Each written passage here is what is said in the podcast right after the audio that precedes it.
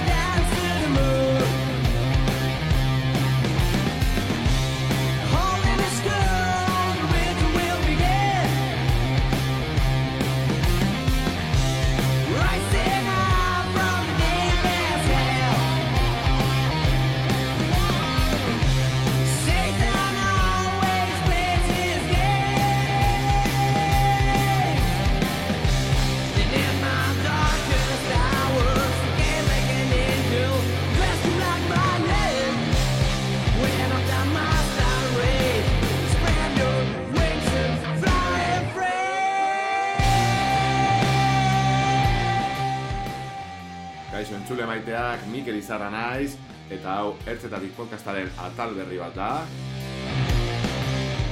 Amazortzigarrena, estonerrari buruz.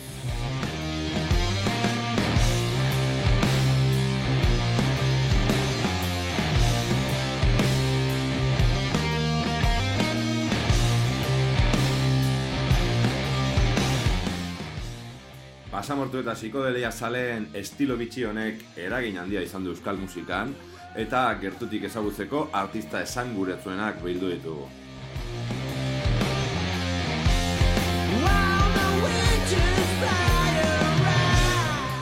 Artista nagusia bazka da, Odei Estebanekin egon gara talde berriaren basoaren ilunean dantza lana aurkeztu eta estonerraren eragina aztertzen.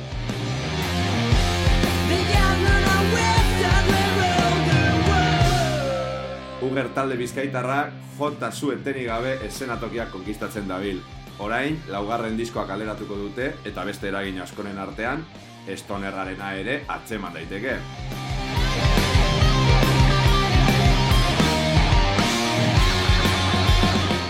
Rodeo talde zestoarra bertako bertsio gau baten ostean eratu zen 2008an.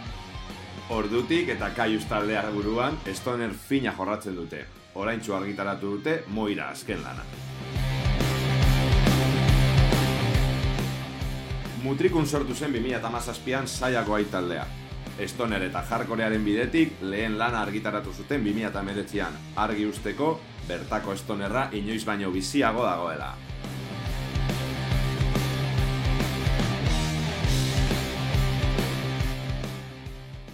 Espalak taldea 2008an sortu zen Grises, Voltaia, Los Mods edo Paspartuk taldeko kideekin. Laro marreko amarkadako soinuak bultzatua, kontran bigarren lana argitaratuko dute aurten.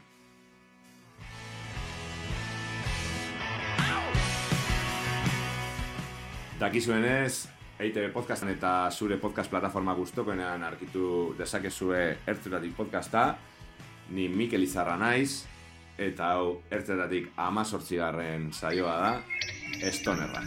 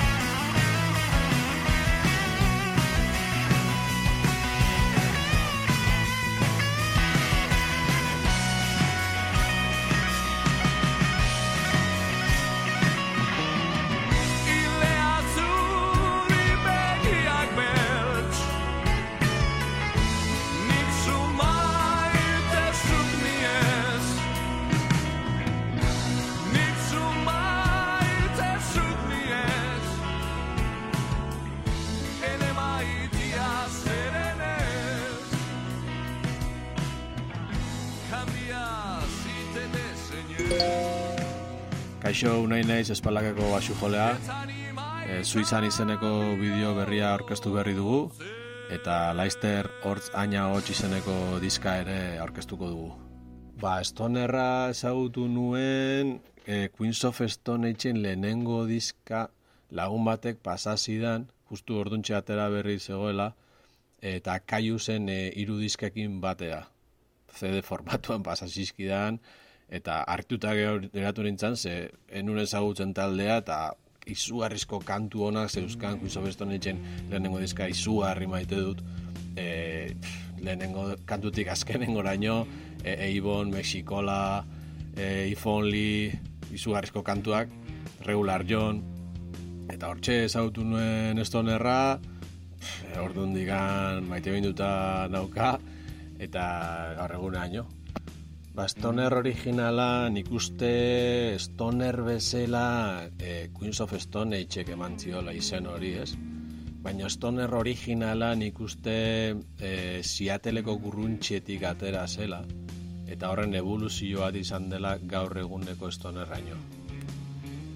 Adibidez, espalaken estiloa estonerragoa izan berrian nik usten dut e, laro marreko hasierako markadako sieteleko talde hoien tatik eraten duela espalake gehiago estonerreko laro marreko markada bukaerako e, estoner hortatik baino.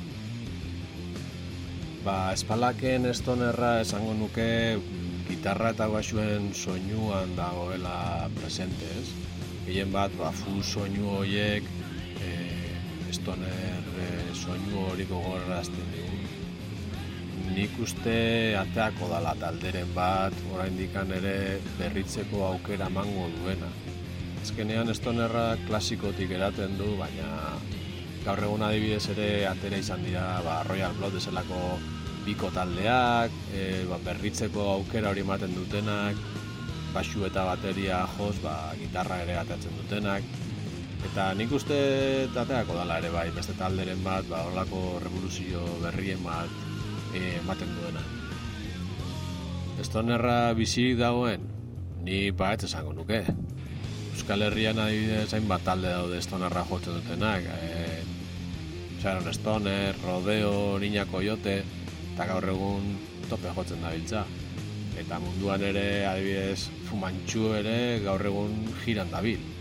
Bueno, ba, gomendatzekotan, ba, azkenengo rodeoren ez da hil abestia, beste honetan atera dena, entzun dezakezue, gero adibidez azkenaldian asko entzuten nabil Taizigal, ere hogei dituen hogei diskatako edozein entzun dezakezue, baita ere bere beste taldea Fus izenekoa asko gustatzen zait, bere hiru diskak ere oso ondo daude, eta gomendatuko nuke adibidez asko gustatzen zaidan Across the River izeneko talde baten demo kasetea. Laro eta bost urtekoa da, baina Scott Reader, Mario Lali eta Alfredo Hernández bezalako taldikideak ditu eta asko gustatzen zait kaset hori. Ertzetatik entzuten ari zara.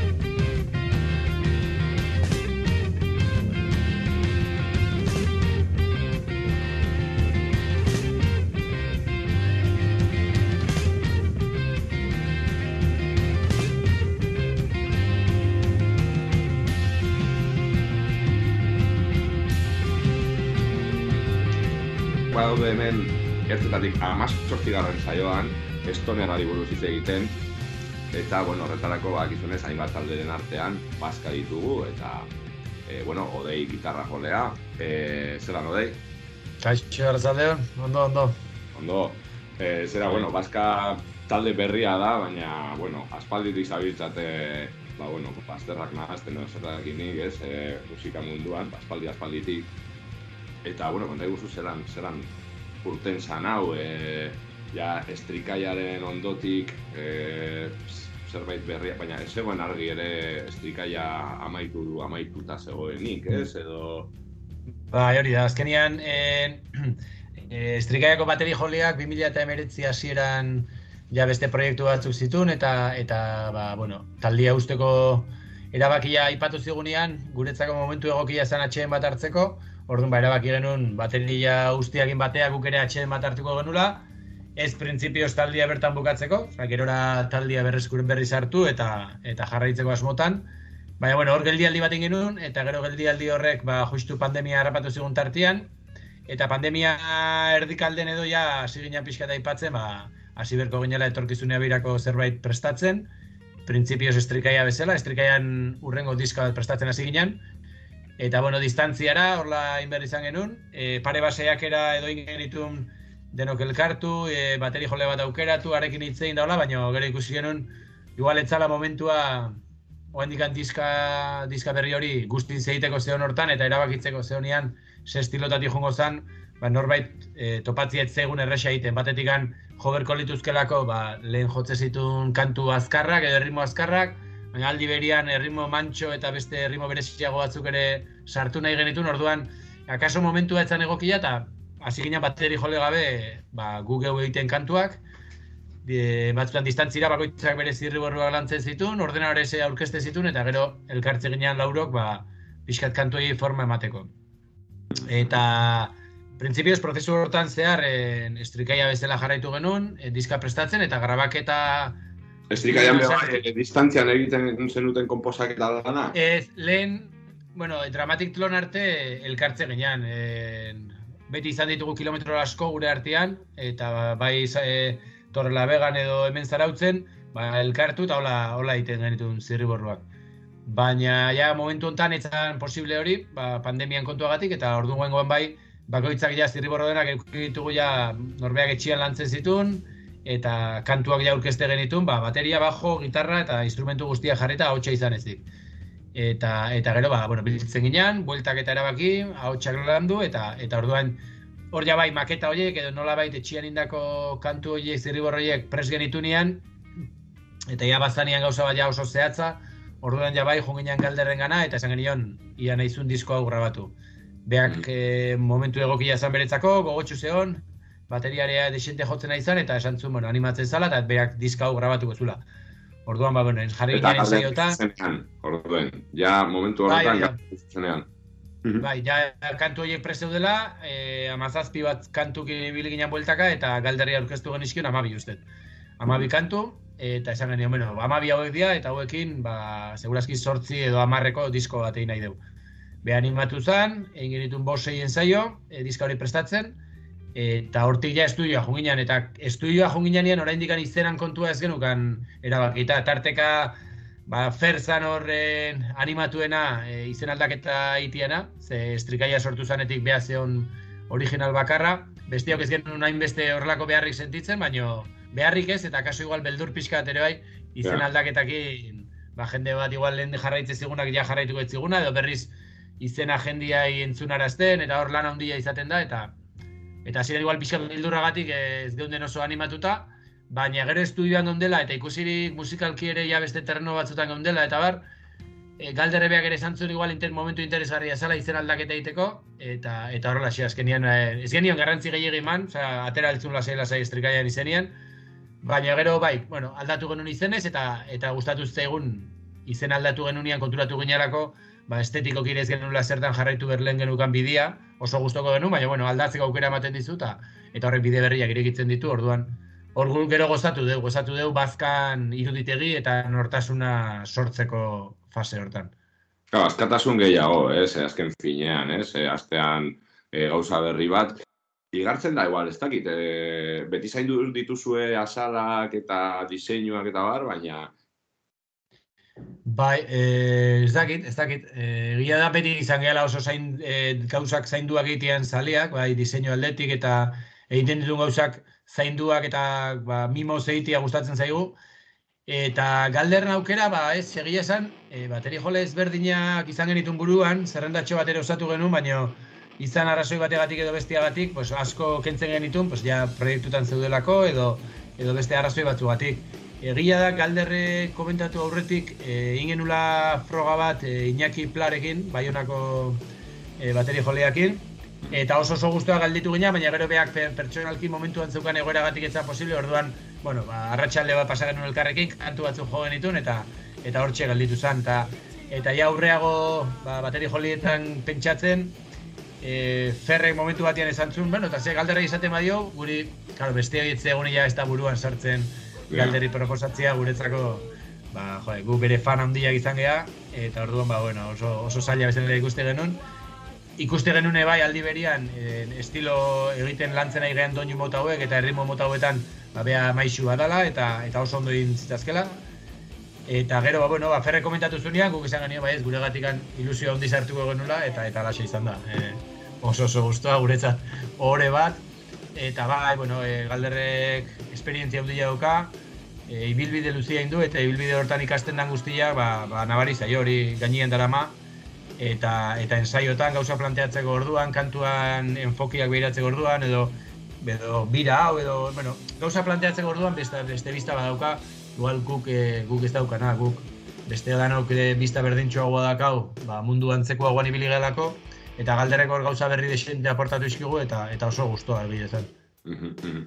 Eta, bueno, hor gero, niri interesa, interesatzen zaidana gaur aitzaki modura hartu dugula ba, stoner estiloa edo estilo mota hauek, ez? Apurtzu zirkuloa izten da, ez? Kuraiarekin zabaldu zen, ireki zen, ba, ba, ez dakit, ez? Eh, Familia mota edo, ez? Nire ba, arbola genealogiko mentalean, ez? E, gero estrikaia egon zen hortinik erditik eta eta orain baskan, ba, bueno, apurtua gauzak borobiltzen dira, e, komentatuko nuke kuraia Euskal Herriko stoner talderik, ba, baldin bada, egon, egon badan stoner talderik, ba, horako aipagarren, aipagarrienetariko, zat, aipatuko nuke kuraia, ez dakit zelan. Bai, kuraian azkenian eskola handia sortu zuen. Fijatzen baztea, kuraian lehenengo diska izango baldin bada 2000 eta bi edo 2000 eta iru, orduztikan, horren ondoren sortu zian ba, stoner punk rock taldiak, ze, bueno, kuraiak azkenean punk rocketikan asko zuen, talde guztietan nabaritzen da kuraian eragina.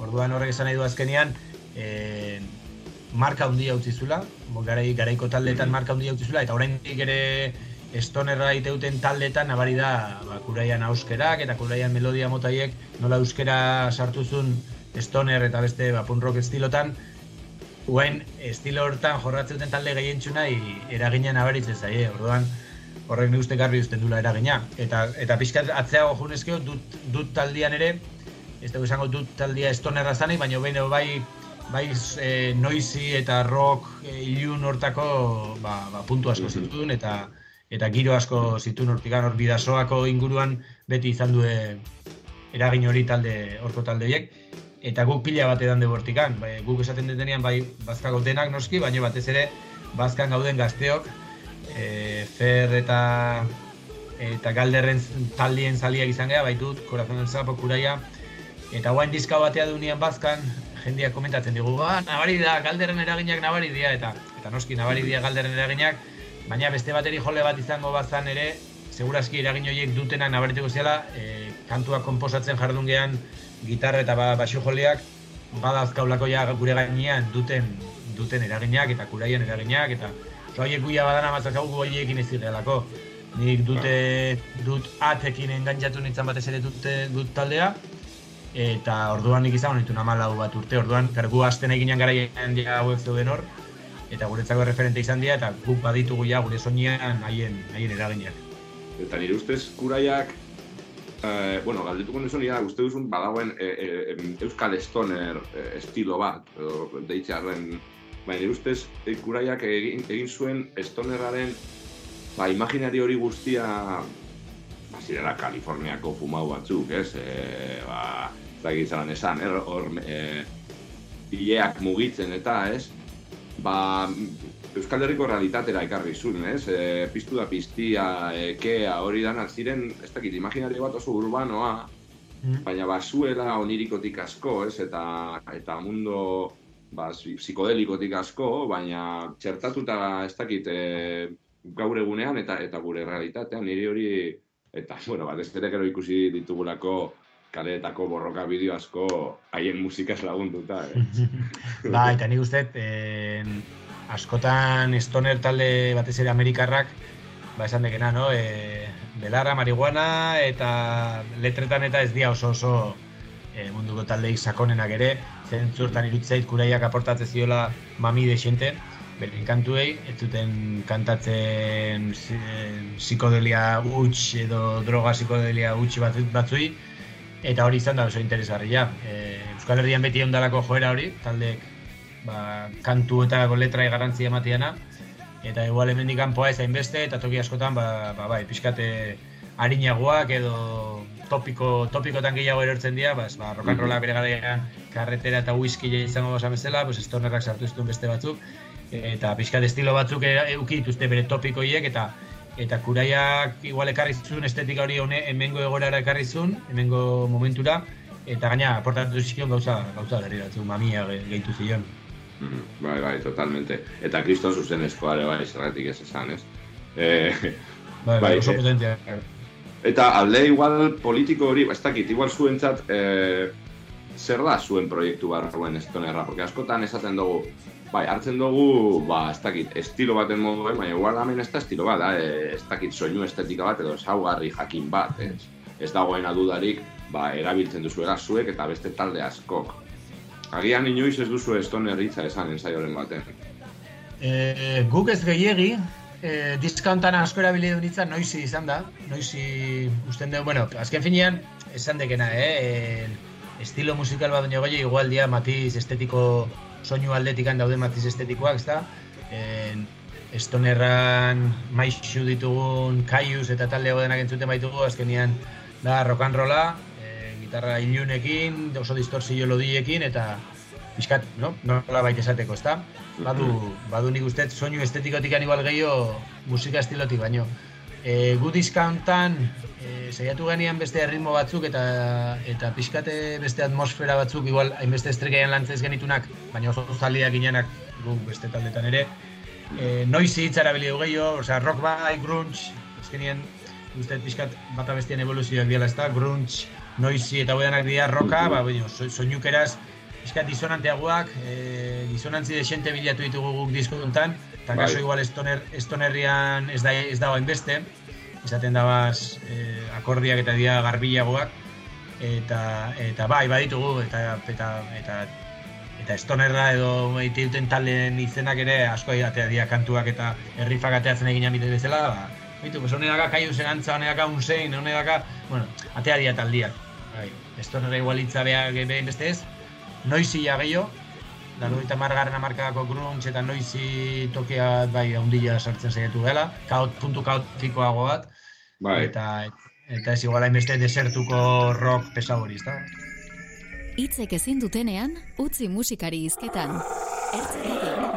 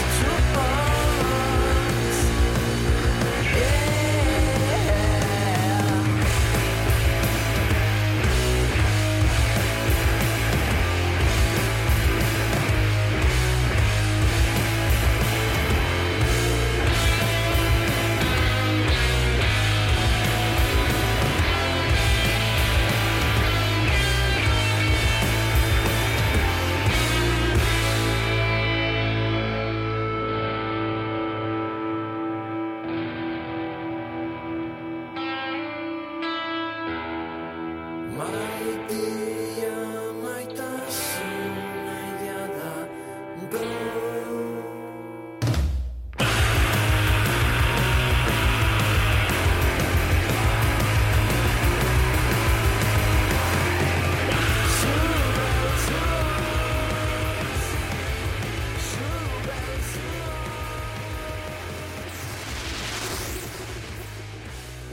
RZT. RZT. RZT. Kaixo denoi, hemen gabitza Aitzol eta Mikel saiagoitetik. Bueno, gu e, mutrikoko laukotea gara, e, Beñat e, mikrofonoan, Aitzol gitarran, Mikel e, basuan eta Aitor baterian.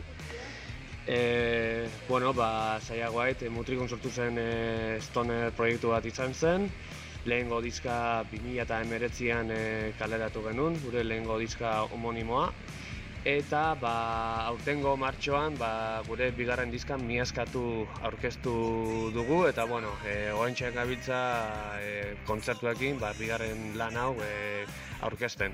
Baina, bueno, e, aldi beran ere, ba, entxegu lokalean gabiz, e, kanta berri batzuk lantzen, ja urrengo proiektuare ba, pixkat e, materializatzen ere. Ba ez daukagu oso argi non eta nola entzun genuen lehen aldiz Stoner musika. Segura eski ez ginen hartu, eh, ez ginen kostiente entzuten ari ginen musika Stonerra zela. Eta, ba, segura eski, ba, hande kasu, ba, anai, anai zarrago pasatzeko dizkan bat, edo lagun artean eh, eskuz esku pasatzeko diskaren bat izango zen guri burura oroitzen oroitzera etortzen zaigun e, diska pare bat dira kuraiaren iluntasunari barre diska eta bertxarraken paiola. Ez, Gure belaunaldien e, gu musika entzuten hasi gineneko garaien ba, ba presenteza duen bitalde, ezta. Orduan, e, bueno, geroago kanpora begirako taldeak ere ezagutzen joan ginen, segurazki pioneroak e, direnak, ba, Luis of Stone, etxeta Kaius, bezalako taldeak, Clutch, eta bar, ez? Eta mm, gure kukskuk ezer e, antzekotasun dugun talde horiekin, ba, segurazki barri fisutsuak, e, hauts melodikoak gaientzen direnean, erritmo geldoak eta denbora erdien eginikoak, basu distortxonatua eta bateriko e, plato eta txapen e, presentzia segurazki horiek izango dira e, ezaguarriak antzekotasuna ematen ditutenak. Ba, segurazki guk eh, ez genuen ezagutu stoner, euskal stoner musikaren jaiotza eta sorrera hori, ez? Garai horiek ez genuen ezagutu. Gerora e, bai gara ezagutzen, ez? E, bueno, e, data amarkada mairan eta 2002tik sortu ziren taldeak. Aipatzeko eh, online aipatu ditugun talez gain, ba, ba Sharon Stoner, Neu bat, eta eta bueno, nire aipatutakoa eta sorkun eta vicepresidente zen diska bat etortu zei burura ere bai. E, horren buruan data horietan ez ateratakoa. Eta zehan, pentsatzen dut antzekotasun nabariena Stoner originalarekin e, izango zela ba, Stoner musikan dauden riff karakteristikoak, ez? E, entzutea zuzenean kontatzen duzun Stonerrarekin eta batez ere ba, soinuaren gordintasuna. Soinuaren gordintasun, gordintasun hori. Ba, ikusi genuen azkeneko Stoner kontzertua izan da aurten sorturiko Baska taldea eta hain zuzen ikusi genuen e, Donibane Ziburuko gaztetxean e, Baska fusible taldearekin eta ba, bueno, e, aipagarri bezala ba, be, bertako sortu zen e, giro ezin eta nola ez zelako kontzertu indartsu eta eta potentea. E, zinez e, berriz errepikatzeko eta danoi animatzen zaituztegu e, behaien hurrengo kontzertu batera. RTL.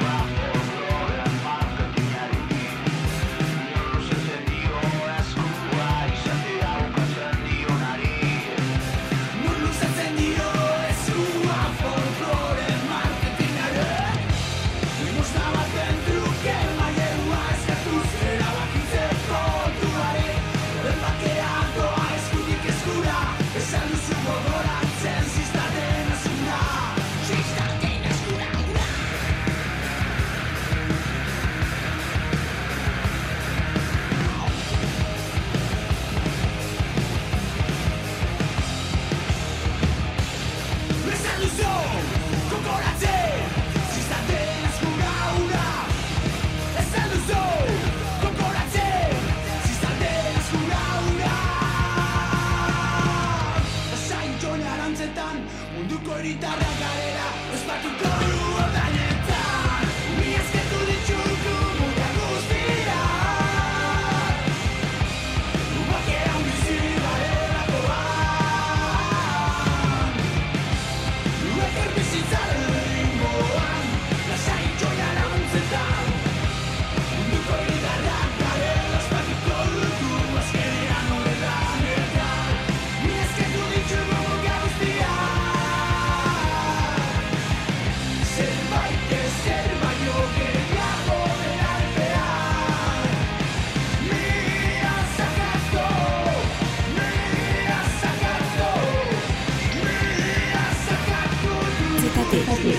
Ertzetako soinuak, erdigunera dakarren espazioa.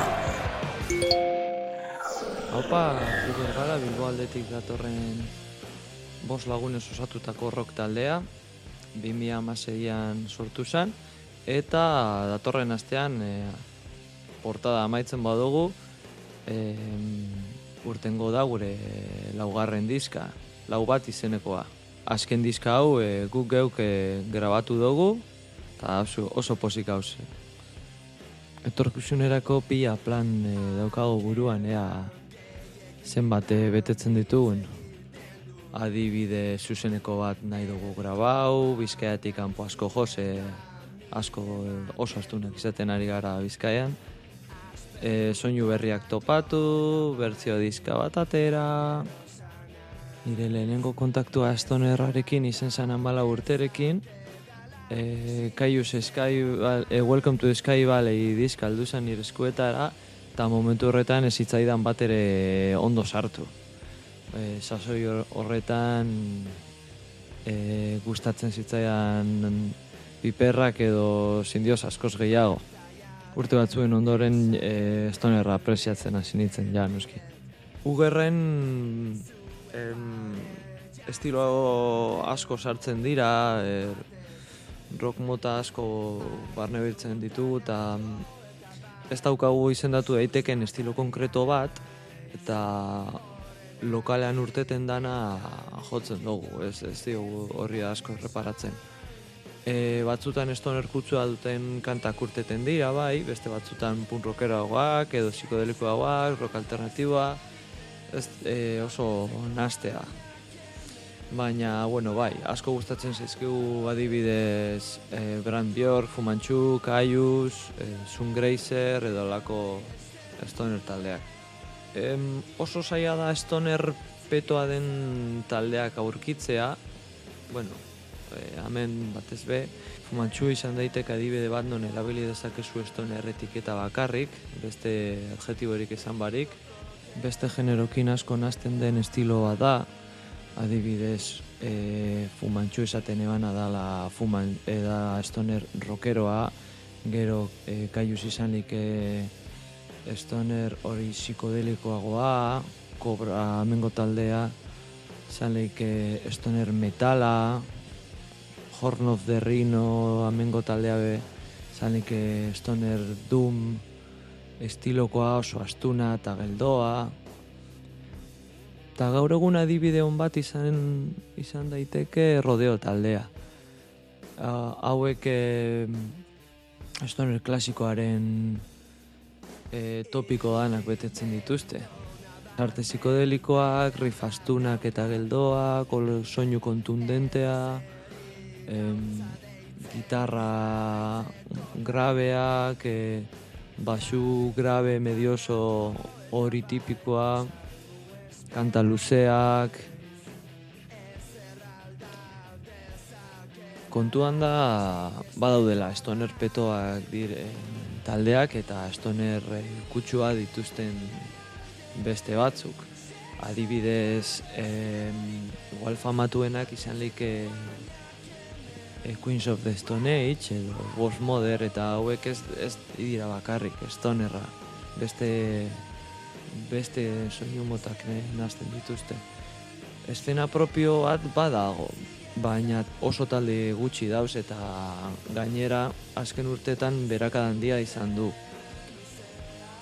Stoner talde bat e, txarra denean bereziki txarra izaten da jasateko. E, ze kanta luzeak e, eta astunak eta errepigarriak izaten dira, eta soinu borobila ez bada ere izan leike bidaitxar bat moduan. Generoan azteko gomendatuko nuke Black Sabbathen lehenengo diskak edo Kaius edo Bran Bjork. Eta, bueno, Euskal Herrian lehen talde asko zeuden, estonerraren eragina zeukatena edo estoner e, petoa egiten zutena. E, adibidez Sorkun edo Kuraia, Saron Stoner, e, Neu bat, Arena, E, guk adibidez ama sortzi urterekin flipatzen gendun Bilboko positiba taldearen kontzertuetan, eta orain oso talde gutxi daude, eta ez da, ez da erraza. eh. Stoner eh, kontzertu bat ikustea egun. YouTubeen badago Euskal Stonerra biltzen duen hiru orduko bilduma bat oso oso nadana eta animantzen zaituzte de hori entzutera eta osatzera. Eta gainera, niretzat e, Euskara hizkuntza bereziki ondo ondo datorkio e, genero honi. Estonra eta Euskara oso lagunak dira.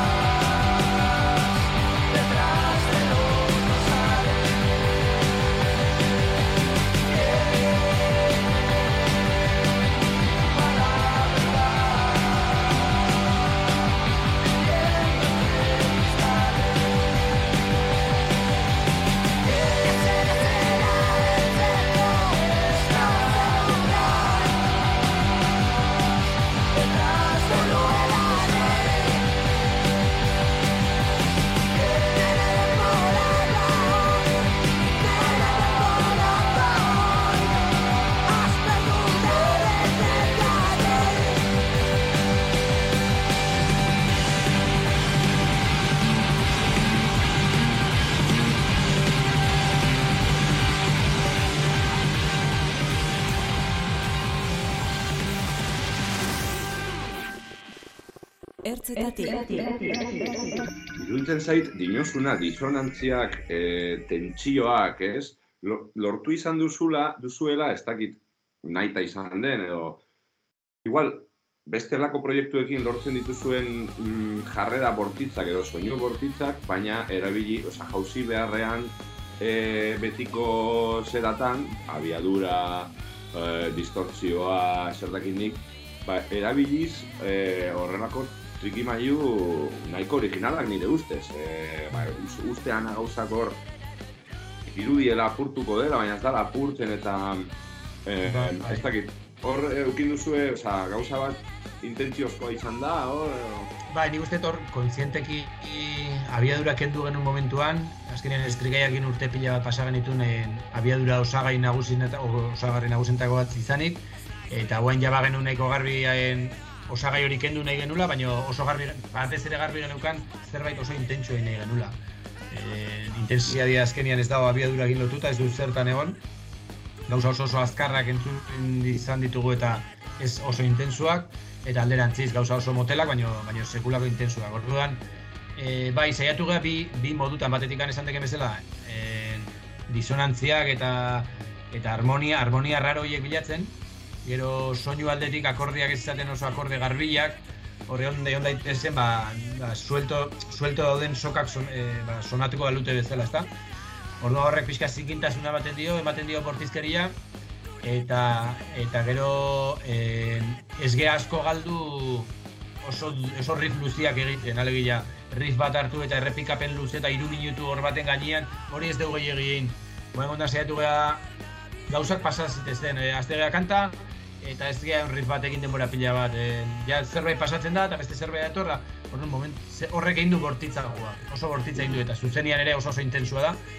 Eta hasiera batean igual diskan entzun da jende batek izan digun bezala, jo, baina oso melodiko eta oso tal, gero zuzenian ikustean esan digu, ostra, da, da oso gogorra, e, da oso bortitza, intensua oso, kantu tar- tartetan ere oso, oso tarte gutxi utzi izan ditugu, eta bilatu dugu izatea muturreko bat, azkenian diskako goita bederatzi minutu ordu erditxo bateko diska da, eta hartu ditugun kantuak, ba, izan dira hori oso bortitzenak, ezta? E, dena oso denbora gutxian, baina gauza asko pasatzen dian kantuak. Orduan bai, hori bilatzen jongea pixkanaka. Mhm. Eta letra aldetik zer, e, Ferreri horrelako sinatu egin e, diozue zu Fer, lasaitu edo. E, nun dago zuen, ba, ez dakit, alde, pol- de, oituta geunden alde politiko ba, o, radikala zergatik ez esan e, zentzu honenean, ez? Eta e, honetan nik ez dinote faltan somatu dudanik, asko gustatu zaizkitetak ere bai, eta iruditzen zait beti dagoela horratzean, ez? E, ferrek idazten du, uh, ba, ez dakit, ez dakit zelan esan, eh? beti dago... Bai, bai, asko lantzen ditu gai sozialak, eta nik uste eh, aldarrikapenak beti ditula. Gero, eh, idazteak orduan, hor bolada, zerrek, bueno, danok bezala bere boladak ditu. Eh, Corazón del Sapon oso poetikoa, Bai, oso poetikoa esan, al, bueno, gaztut ez ditun pixkat gauza poetikoa eta oso gauza zuzenak. Kuraian ere e, landuzun, poesia kantuak, bueno, ikutu poetikoa da zuten, naiz eta ba, kantu zuzenagoak ere bazezaen. Eta gero ja bai matxura eta estrikaian hasieran, e, bi taldeetan oso gauza zuzenak idazte, idazteko bolada, bolada eman zion, eta eta aldiz estrikaian bukara aldea berriz ba, izan zuen tendentzia ba, poesiera gehiago juteko. Orain gontan, desente heldu dio poesi, poe, po, alde poetikoai, e, alde estetikoa asko, asko behiratu deu, ba, musikalki hain hain bortitza izan da, irutza egun kontraste polita zala. E, ez dugu usten gauza, gauza politikoak eta gauza radikalak eta eta guretzako gauza iraultzaileak dienak aldarrikatziaz ez dugu, ez dugu utzi, oso gai gordinak lantzen ditugulako ere bai abesti hauetan, baina bai ikuste genuen, e, ba, pixka bat e, e, disko nahi, bueno, askotan kuadro bat ditze dugu, ezta? Kuadro bat margotu nahi genuen honetan, ba, ba letren aldetikan eman nahi geniola kolore ezberdin batzuk. E, noski garbi dakau beti abestuko diula inguruan gertatzen eskigun gauzei, batzutan gauza pertsonalak ere bai, baina horiek ere politikoak dira eta eta eta aldarrikapen ez josita izango dira gure kantuak. Baina, ba bueno, boladatan e, gauzak zuzenago esan berdia, beste boladatan nahi dezu ere bai pixkat gehiago biribildu esaten dezuna edo esateko modua, eta eta uste duen kontan bai, ba, po, alde poetikoak pixo handia izan dula, bai e, bat jundalako ba, ba, azaleko irudia, animaliak eta gero ba, kontatzeko hortan. Azkenian jolas bat da, zuk letra egiten hasten zenean disko berri bateako, ba, guretzako jolas bat da, eta hoen konta ba, esan genuen. E, pixkanak nahi gabe izan animaliak sartzen, da behar izan zu, bai, hain igual pentsatzen, ba, kantu guztietan animaliak sartzea. Orduan ja, aitzaki hori dakazu kantua egiteakoan, eta dakazu zerbait heltzeko eta zerbait hortan, ba, bueno, egiten dituzu, ba, logika baten barruan bezala. Mm. Ez tekela beste edo zein, edo, edo, edo ez kontzeptu gabe, baino, baina pixkanaka kontzeptu hori osatzen jo ginen, da azkenean bai taldean izena, bai diskaren azala eta bai letra guztiak, pues, animalien kontuekin lotu ditu. Bai, puzzlea oso, oso ondo dago montatuta, ez tegiz zelan. Eh? Er, Eh, bai. Erdi nahi gabe izan da, eh? Egia esan izena jarri genunean ez ginean konstiente bazkak animali egin duen loturaz, eta letra egiten jo ginean oendik portada ez genukan garbi, eta pare bat portadak inibilian bueltaka, eta, eta animalien aukeratu genuen, eta gero kontuatu dira, ui, nega gabe denak, denak dauka lotura. Orduan ez da izan oso kontzept, disko kontzeptual bat ola hasieratik garbi genukana, osea, osatzen jundan gauza bat izan. Baskaren eta animalien zera hori, ba, nahiko salvajismoaren inguruan eta hitz Hori, egiteko ja, bai. para kristona, bai, oso, oso politai e, geratu zaizue. Orain, et, etorri zait, abiadurarekin eta hitz egin da, e, elfonegro bitez eta jende hori dana. Galdetzera ni joan, e, ba, hor egon zen garai bat, polita estilo hauetarako, ez? Eta batez ere, hau lotu nahi nuen, ba, ia, zelako bida egingo duzuen, eta zuek beti mugitu iz- izan zaretela, ba, giro jakin batean, eta ia, zer gertatuko den, Espainiatik, igual sois la- las vascas, ahora. Bai, hori da, ja. ¿Qué pasa con la vasca ya txiste hori egin da. Eta guk ere pentsatu genituen askotan gertatzen da, izen berri bat ateatzean, astezea pentsatzen jendiak ze txiste ingo dituen, ezta? Bakizulako pixkat, bazpare terrenua prestatzen eta eta bai, honekin batzuk ere genituen, da hori izan da klasikotako bat, baino berri batzuk ere bai. Ba, bai, bueno, e, ba, Elfo Negro eta Bitez eta ipatu dituken bezala, Karo, gu beti gatoz e, abiadurako estenatikan, e, ni erantzun eta humilitate taldetan ibiltzen izan estrikaian hasi aurretik, orduan, ba, bueno, ba, talde guztiek eta estena hori da izan da beti gure gure habitat naturala. Eta oain bazkakin, ba, bueno, e, zortzi kontzertu hauek aurkeztu ditugu, ja lau dagoneko pasadia. E, lehen esan bezala, galderrekin hitz egin genunean, beak aipatu zigun diska grabatzea animatze zala, baina, bueno, printzipioz elkarlana diska grabatzeko zan. Bueno, sortzi kontzertu antolatu genuen, beak, ba, bueno, gogoa zeolako eta nahizulako, nahizulako gurekin zatu. Eta, bueno, aurreko asteburuan adibidez Donibane Ziburuko gaztetxean jo genuen, eta gero ni pasa genuen aste guztian, ba, prestaketan, barra txukuntzen, ekipoa prestatzen, ba, tok, ba, bertakoak ba, azkainiko gaztetxean zutelako festa bat, eta eta eta azkenian birako kontzertu gehienak gaztetxetan dira. Oso, oso guztua gauden tokiak dira, guretzako bira ospakizun bada, e, bai elkarrekin berriz elkarrekin egon, egon gaudelako, diska ba azkenien osatzea lortu deulako, profesorian abukatu deu, eta ez deu nahi beste demora izan, e, prozesu horren bitartean elkarrekin eoteko, ze danok lan kontuengatik eta elkartze ginen ensaiatze genuen, da korrika dana jaso, eta bakoitzea bere tokira jute zen.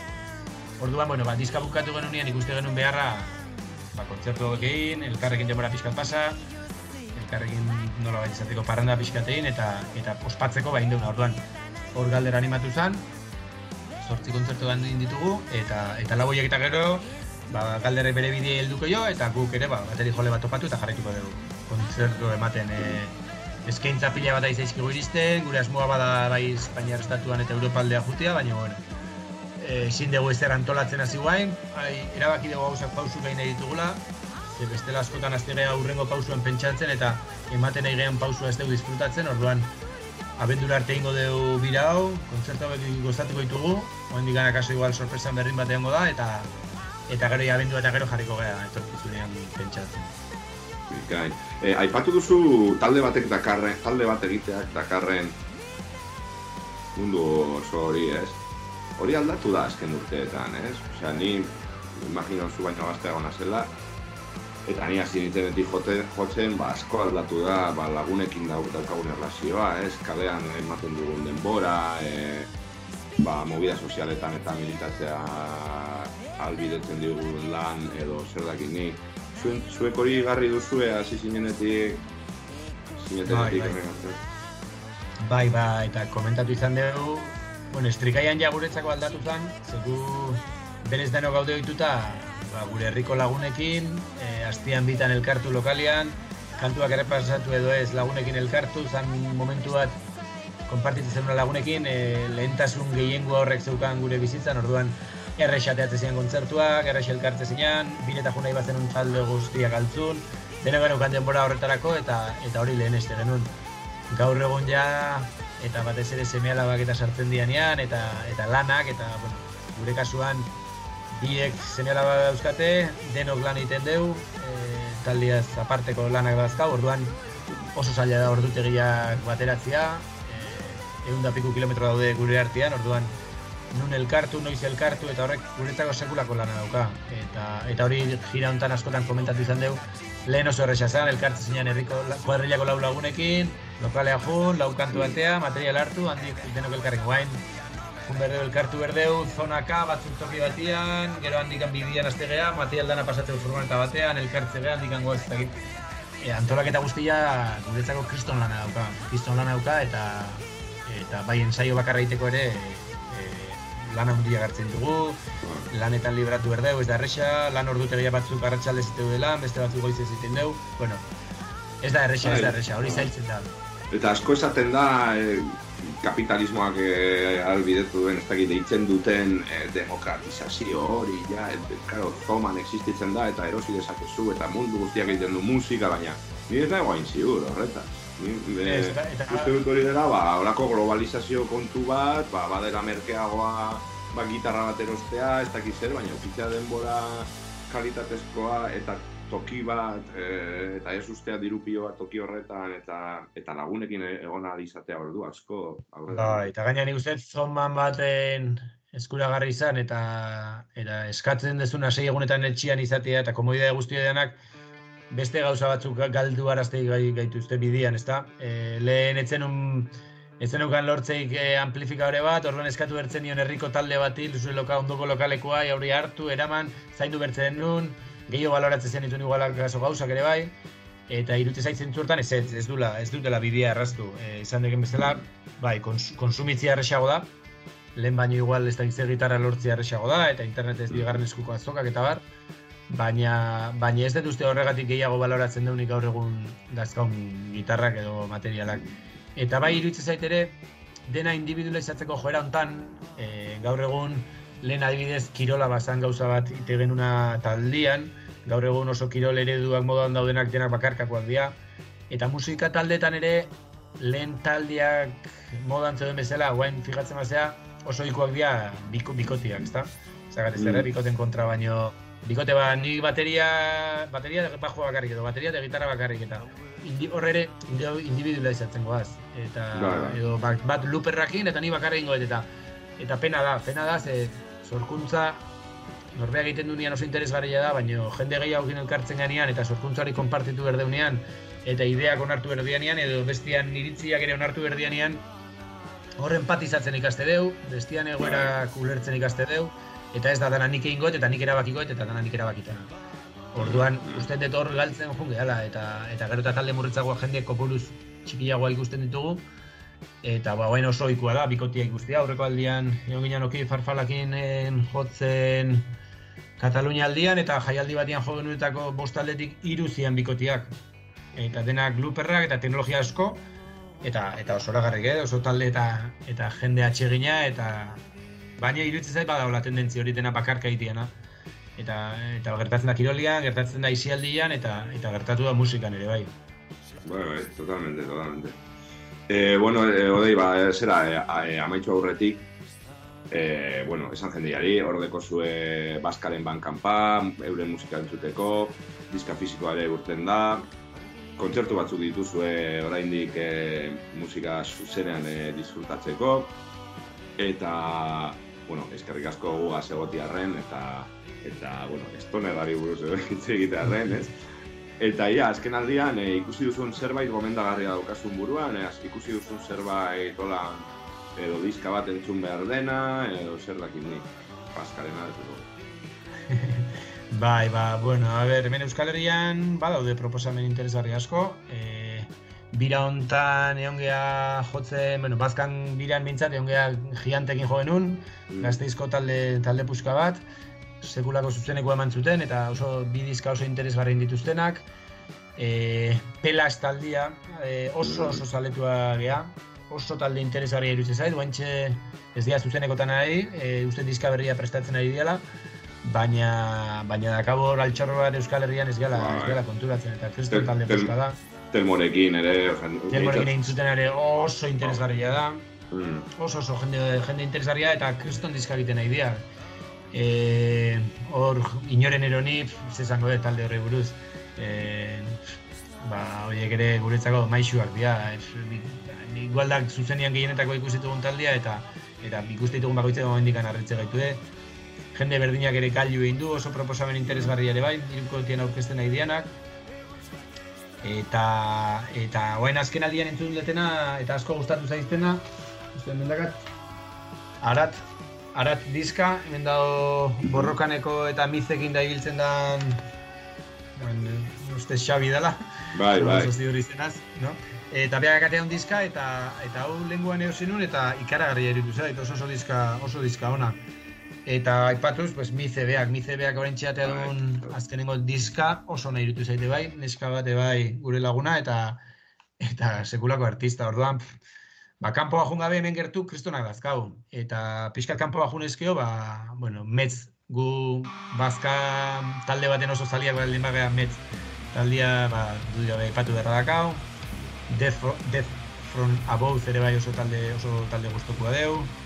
E, eta bai, milaka egia esan musika asko entzuten deu. E, Wine Lips adibidez azkenengo egunetan ibili gara gure artean asko elkarbanatu duen talde bat da. Azaroan ibi izango da bomberenean jotzen, e, estatu batuako talde bat, eta oso, oso talde freskua irutu zaigu. Eta, eta bai, bai, da, hasi galko genuke esaten nola taldiak eta zerrenda bai zinuen. Eskerrik asko, dei. Bai, hiri urretaz akordatzeatik eta plazer handi bat. Ertzetatik, ertzetako soinuak, erdigunera, dakarren espazioa.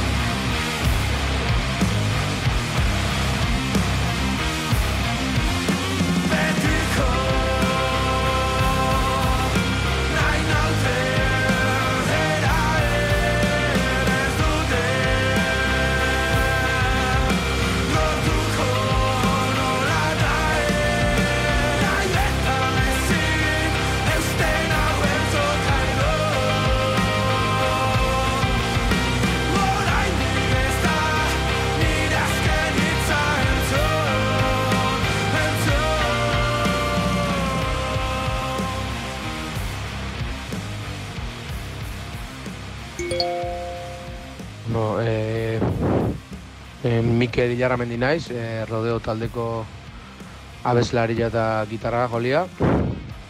E, nire proiektua, gure proiektua rodeo da. E, 2008 hasieran sortutako talde bat. Eta bueno, momentu honetan e, 2008an martxuan atea genuen LP bat, eta azaroan amarrian ateko dugu bigarren LP bat, e, nun hone gozatuko e, lan bikoitz bat, e, doble LP bat, baina bi volumen ezberdinetan e, kaleratuta.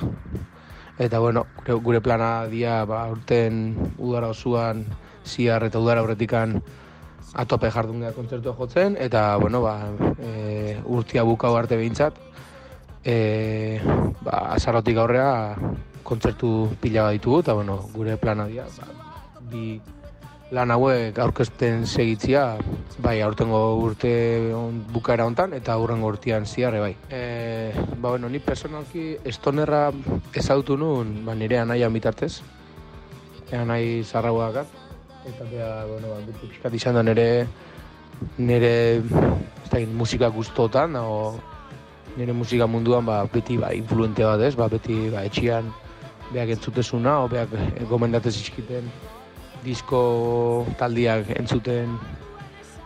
Hasi izan naiz, aparte que honi bat deskubrioten dana ba, bai zestuan bertan ba, gaztetxian, o nire lagunan bitartez, o... baina, bueno, ba, justu e, stoner munduan pixkat ba, nahian bitartez sartu nintzen, ba, beak erautz delako, akordatzen naiz, kaiuzen e, bideo batzuk bi aldo zizkitela, ikusi genitula batea, eta hortik hasi nintzen pixkat ari, ari jaitiraka, eta bueno, ba, egia esan, esan un, joder, ba, hau asko gustatzen zait. Eta guk talde bezala estiluan ez ginen e, juntauta, bueno, talde bat ingo dugu estilo ontako ez. E, izan zen, urtero zestuako gaztetxean urtemugan bueltan montatzean bertzio gau bat. E, izan zen aitzaki bezala, ba, horreneko aldiz junta ginela rodeoko lau taldeki dio eta gure asmoa zen kaiuz esan, e, taldian bertzio batzuk ateatzia eta bueno, ba, bertzio gau hortan festa hortan, ba, kantu hori jotzia baina bueno e, konturatzeako bertzio pila datean ditun da bo, bertzio gau hortatik kanpo joen kontzertu bat ba, kaiuzen bertzioa jotzen eta geho ikusita ba, bueno, ba, nahiko dinamika ona zehola eta ba, gogoen eukala ba, ba, hortik abila ginen gure kantu berriak iten astea. Eta, bueno, ba, hortik abila eta, ba, naturalki, ba, estilo hori jorratzen hasi ginen hasieratik. Aurten gurtien eukideu esperientzi bat Suizan e, ba, lau kontzertu emateko aukera auki genula. Eta, bueno, e, Suitzako zello batekin elkarra naite dugu, baita ere, ba, pandemia garaian ezautu genuen internetik jende hori, Suitzako 16 times zelua, eta, bueno, behar atentzio ondo jamatzen zioen gure hizkuntzak, euskerak, eta ba, beti komentatzei ba, nola gure hizkuntza hau nola e, ba, gure musika estiluakin ba, ondo eskontzeula irutze zaio, eh? naiz eta ezer ez duen ulertzen, baina, bueno, e, ez da, nire ustez behar atentzioa emate joena beti izan diguna da, hori ba, gure fonetika o gure hizkuntza bea da e, berezi iteuna gure musika estilo ba, euskal estoner hontan. Baina, bueno, e, ez dakit, e, ez dut uste musikalki eserre berezi jaite deunik ba, mendik kanpoko talde batekiko. Netzako gure berez garen nagusia eta e, ba, berez izango eta euskera, hizkuntza bea, porque hizkuntza bea da oso berezia bai fonetiko gita, bai takit. E, beha askotan komentatzen zuen ezerren antzik etzi joela aurkitzen, orduan netzen horregite, hizkuntza beha giteu berezia ba, mengo estonero musika estilo hau. Ba, bueno, e, nik abesti bat elezuko asko nuen pizkat e, generua labur biltzeko Azkenean stoner munduan eh, metal aldea jun leike, o rock puro aldea jun leike, o, o puro klasiko aldea. O gauz ziko heliku hauak leizke, ba, distorsio gutxikin da beste ambiente batzukin, o incluso Doom rolluak eh, stoneran baruan, barruan azkenian, bueno, e, bere lekua baka, ordu nik uste stonerra behar ere oso e, genero zabal badala. Baina, bueno, nik zose kantu bat iruditzen dena asko gustatzen dena eta asko ba, danetik pixkakan kantu bat e, kai ustaldian White Warrior kantua e, aukerako nuke, bai dazkan parte ro- rockeru batik, eta parte, ba, gero dakan, bukaran dakan progresio instrumental, gitarra efektu desberdinekin, da, bueno, ba, bueno, rodeo bezala asko lantzeitu ba, pasartiak. Eta, bueno, ba, guk eh, rodeo bezala ba, elegitzeko kantu bat guria, ba, igual elegituko nuke aurreneko diskoa batea genuen gizon iluna kantua, nun bertan e, boltaia eta espalakeko unai eizairrek beak e, kolaboratzen kantu abesti honetan, nun da hasiera e, lasai bat, nahiko desertikua, eta gero ba, bukatzeu kantua ba, e, boxe, indarra egin, da, gitarra eta e, distorsion hau egin, da bukaera, pixkat parte dumero moduko bat, ba, fuz askokin, da parte makal bat egin, orduan gure kantu stonerera igual momentuan okurtu zaitena, ba, hoxe esango nuke.